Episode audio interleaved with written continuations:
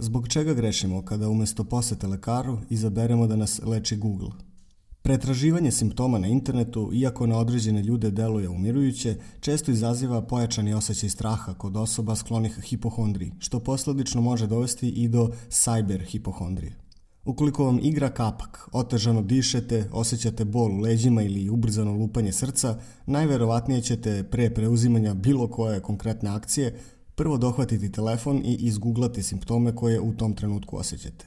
I ne, niste usamljeni u ovakvom ponašanju. Svako od nas će impulsivno pribeći ovakvoj vrsti prečice, u pokušaju da na najbrži mogući način saznamo šta nam se dešava. No, samo diagnostikovanje bolesti nije se pojavilo paralelno sa pojavom interneta. Mnogi domovi imali su u svojim bibliotekama medicinske enciklopedije sa kojima su se svi ukućeni savjetovali pre nego sa lekarima. Internet je umnogome olakšao pretragu svih informacija, pa i medicinskih, čineći ih dostupnim na jednom mestu. Međutim, postavlja se pitanje istinitosti onoga što na različitim sajtovima možemo pronaći ako u Google pretraživač ukucamo simptome različitih bolesti. A neretko ćemo za iste simptome dobiti različite rezultate i različite dijagnoze što nas dovodi do zaključka da bez lekarskog pregleda ne možemo sa sigurnošću znati sa kojom bolešću se naš organizam bori, bila ona psihičke ili fizičke prirode. Uprkos tome, Google i dalje prednjači kada biramo mesto na kome ćemo potražiti pomoć kada se ne osjećamo dobro. Postavlja se pitanje, zbog čega je tako? Trend pretraživanja simptoma ili pak potencijalnih simptoma, onog za što neko pomisli da bi mogli biti simptomi, je izuzetno rasprostranjen u savremenom dobu, uprkos tome što nam istraživanja iznova pokazuju da je preciznost i pouzdanost online dijagnoza izuzetno niska u poređenju sa dijagnostikom koju može postaviti lekar. Efekat koji će pretraživanje simptoma na internetu imati zavisi prema mišljenju psihološkinje Ane Perović od mnogo faktora i od prisutnog straha od bolesti kod konkretne osobe. Zbog čega biramo da googlamo simptome kada se ne osjećamo dobro? Samo diagnostikovanje nije proizvod ere interneta. Naše digitalno doba ga je samo učinilo rasprostranjenijim i dostupnijim, napominje Ana. Zahvaljujući internetu i želji da skratimo vreme od detektovanja, odnosno sumnje na problem do pronalaženja rješenja, danas sve češće preuzimamo na sebe proces samodijagnostike. Nakon nekoliko minuta ili sati pretrage i pregledavanja online sadržaja, samouvereno postavljamo sebi dijagnozu, što je naročit trend koji postoji u oblasti psihijatrijskih dijagnoza. Moja hipoteza bi bila da, osim nepoverenja, može biti reči o tome da za mnoge ljude samodiagnostika treba da smanji anksioznost i poveća osjećaj kompetentnosti u bavljanju simptomima. Ponekad može biti reči o tome da osoba uđe u neku vrstu odgovora na pretnju, te želi da prikupi što više informacija o tome koliko je ugrožena. To bi bio primjer odgovora i stanja borbe, fight response. Tačno je da čak iako samodiagnostika posluži kao privremena strategija za regulaciju anksioznosti, dugoročno nije konstruktivna. Kako Ana objašnjava, kada sami postavljamo dijagnozu, mi u suštini pretpostavljamo da razumemo i poznajemo subtilnosti u zaključivanju koje zahteva proces dijagnoze. To naravno može biti dosta opasno, a jedna od najvećih opasnosti samo dijagnoze kod psiholoških sindroma je da lako možemo pomešati simptome koji pripadaju spektru mentalnog zdravlja sa onima koji se tiču fizičkog zdravlja i obrnuto. Ana također smatra da je pitanje zbog čega će neki ljudi prepoverovati informaciji dobijenoj na internetu nego lekaru zanimljivo i kompleksno.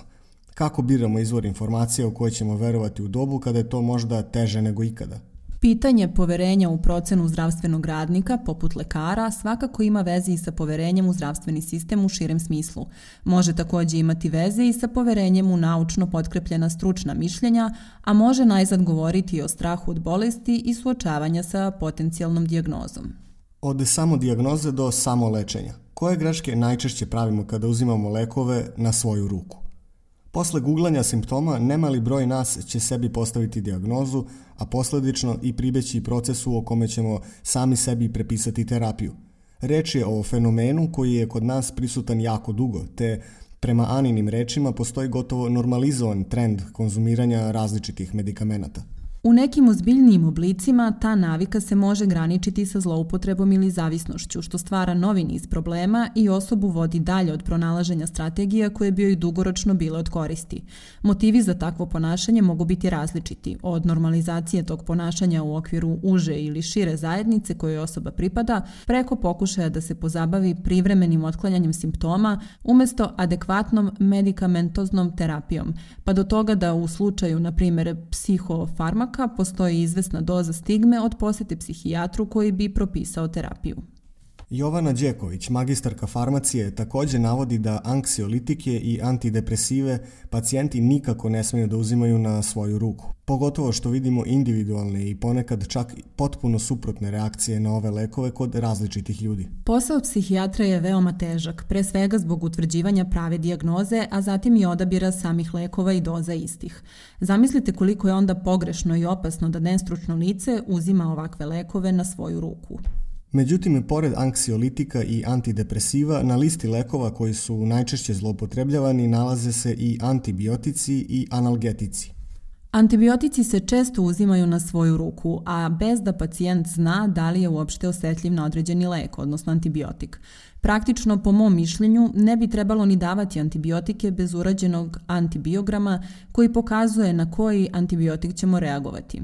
Zbog ovoga sve češće viđamo pojavu rezistencije na antibiotike – Pošto sam zaposlena u bolnici, moram reći da je u poslednje vreme u ustanovama sve češća upotreba rezervnih antibiotika koje koristimo u poslednjoj liniji odbrane, kada više nema efekta kod antibiotika prve linije. Ovakvi rezervni antibiotici daju širi spektar neželjenih dejstava, stupaju još češće interakcije sa drugim lekovima i neophodno je još rigoroznije pratiti pacijenta. Iako bi upotrebu analgetika Jovana kategorisala kao najmanje štetnu, pogotovo što iz njenog iskustva pacijenti uzimaju ove lekove uglavnom samo u slučaju neizdrživog bola, ipak smatra da je važno da kažete svom lekaru ili farmaceutu svoj zdravstveni status. Recimo, brufen ne smeju piti pacijenti sa peptičkim ulkusom, krvarenjem u gastrointestinalnom traktu i tako dalje. Da li uzimate i drugu terapiju i slično. Štetna je takođe i preterana upotreba vitamina i uzimanje istih na svoju ruku. Pa tako, na primer, preterana upotreba vitamina C može da doprinese stvaranju kamena u bubregu. Mega doziranje, kako kaže Jovana, nema nikakvu poentu, čak može i naškoditi. Osim toga, vitamin C što više unosimo, manje se absorbuje, odnosno iskorišća u organizmu. Savet bi svakako bio da se proveri mineralo-vitaminski sastav pre upotrebe suplemenata. Jedan od problema koji se može javiti usled uzimanja lekova bez prethodne konsultacije sa lekarima jeste i stvaranje takozvane veštačke nestašice lekova, do koje dolazi kada poraste kupovina određenog medikamenta ne zbog realne potražnje za istim, već iz kreirane lažne potrebe koja nastaje kao posledica autosugestije. Praktično, ako nam neko ko nije stručno lice poručuje da nam je određeni lek potreban, a taj neko ima određeni utice na nas – Na primjer, reč je o bliskoj osobi do čijeg mišljenja nam je stalo i koju uvažavamo ili u pitanju poznata osoba koja postavlja trendove, postoji veliki stepen verovatnoće da ćemo pomisliti da nam je određeni lek potreban, iako zapravo nije. Najveći problem je pre svega u tome što ovakve nestašice trpe pacijenti kojima je zaista neophodna terapija propisana od strane lekara. Građani nikako ne bi smeli da sami sebi uvode lekove zbog informacija koje su čuli od strane trećih nestručnih lica. Svaki lek sam po sebi nosi rizik sa sobom, ne reaguje svako isto na njega, brojne su interakcije sa drugim lekovima i hranom, kao i kontraindikacije o kojima se građani jedino mogu savjetovati sa stručnim licima. Kako Jovana objašnjava, svaki lek ima svoje prednosti i mane u odnosu na druge lekove iz iste grupe, ali govori i da u praksi naši lekari zaista u slučaju nestašice jednog leka pronađu najbolju moguću alternativu.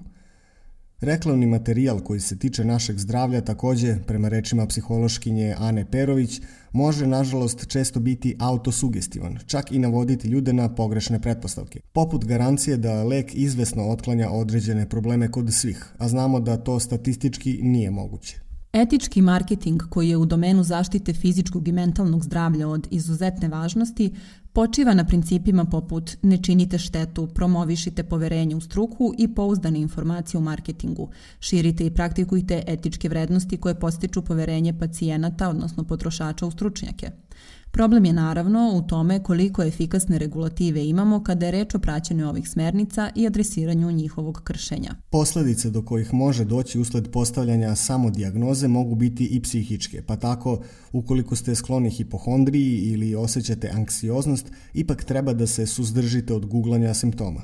Osobama koje imaju izraženu anksioznost u ovom području svakako bih preporučila da, osim psihoterapijske podrške na tom planu, ne pretražuju svoje simptome u stanju emotivne disregulacije, kada su preplavljeni nekim intenzivnim emocijama poput straha ili izrazito reaktivni, jer ih to može dodatno uznemiriti i zbuniti. Ukoliko smo pak mirni i razmatramo strategije za adresiranje nekih simptoma, internet može eventualno poslužiti kao prva stanica za postavljanje hipoteze i pronalaženje resursa za stručnu pomoć i konkretnih koraka za brigu o sebi koji mogu biti umirujući. Internet sam po sebi nije pretarano pouzdan jer sadrži more neproverenih informacija. Ipak, razvoj interneta podstakao je i razvoj telemedicine, koja predstavlja upotrebu elektronskih komunikacionih tehnologija u obezbeđivanju i pružanju zdravstvene zaštite, edukacije i poboljšanja zdravstvene nege kada su učesnici fizički razvojeni, odnosno lečenje na daljinu. Razvoj telemedicine pruža bezbroj prednosti u savremenoj medicini, uključujući i smanjenje gužvi u bolnicama i kliničkim ordinacijama, skraćenje vremena čekanja na pregled i konsultacije, kao i bržu i lakšu dostupnost lekara onda, kada i odakle nam je potrebna. Tamara Didić jedna je od osnivača platforme DocTalk, koja se bavi upravo ovim aspektom telemedicine i nudi korisnicima priliku za virtualne konsultacije sa stručnjacima, lekarima i psihoterapeutima. Ovakav servis u velikoj meri olakšava brigu o zdravlju i čini razgovor sa stručnjacima dostupnim kada god nam je potrebno, bez obzira na mesto i vreme. DocTalk platforma je korisnički vrlo intuitivna, dakle jednostavna za upotrebu i pruža siguran način za razgovor sa zdravstvenim stručnjacima iz različitih oblasti.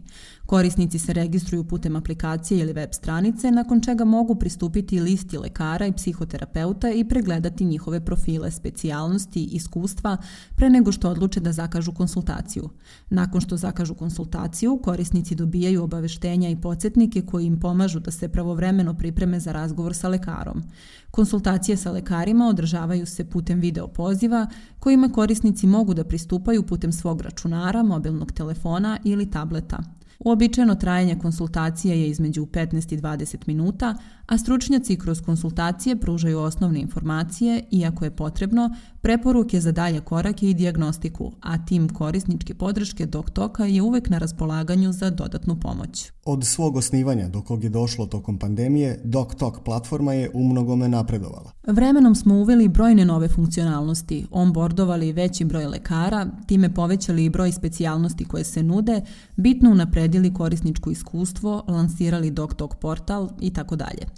Danas, pored web platforme, postoji DocTalk mobilna aplikacija koja, pored konsultovanja sa trenutno dostupnim lekarima, pruža i mogućnost planiranja, odnosno zakazivanja konsultacije sa stručnjacima, kao i pregleda u ordinaciji, što je definitivno napravilo veliki iskorak u korisničkom iskustvu. DocTalk trenutno nudi besplatne konsultacije koje su dostupne svim registrovanim korisnicima, a vizija im je da u budućnosti korisniku ponude sve ono što je potrebno za brigu o zdravlju – ne samo konsultacije i zakazivanje pregleda, već mnogo širi dijapazon usluga poput čuvanja zdravstvenih dokumenata, povezivanja sa različitim uređajima za praćenje zdravstvenog stanja i navika, ukratko pravovremenu podršku u svemu vezanu za brigu o zdravlju cele porodice. Stoga, ukoliko se odlučite da savet o zdravlju potražite na internetu, vodite računa o tome da informacije koje stižu do vas budu tačne i istinite, a dijagnozu ostavite stručnom licu, koje će nakon obavljenog pregleda moći da vam prepiše terapiju. Na kraju, ipak najbolje je posavetovati se sa izabranim lekarom ili farmaceutom. Autorka teksta Snežana Katunac Ilustracije Olga Đelošević Tekst čitali Ivan Radisavljević i Snežana Katunac. Tekst je dostupan na sajtu Oblakodera u rubrici Lift. Tekst je podržan od strane Evropske unije i Nemačkog saveznog ministarstva za ekonomsku saradnju i razvoj. Stavovi izneti u podržanom medijskom projektu Scroll and Share oblakoder magazina ne izražavaju stavove Evropske unije i Nemačkog saveznog ministarstva za ekonomsku saradnju i razvoj.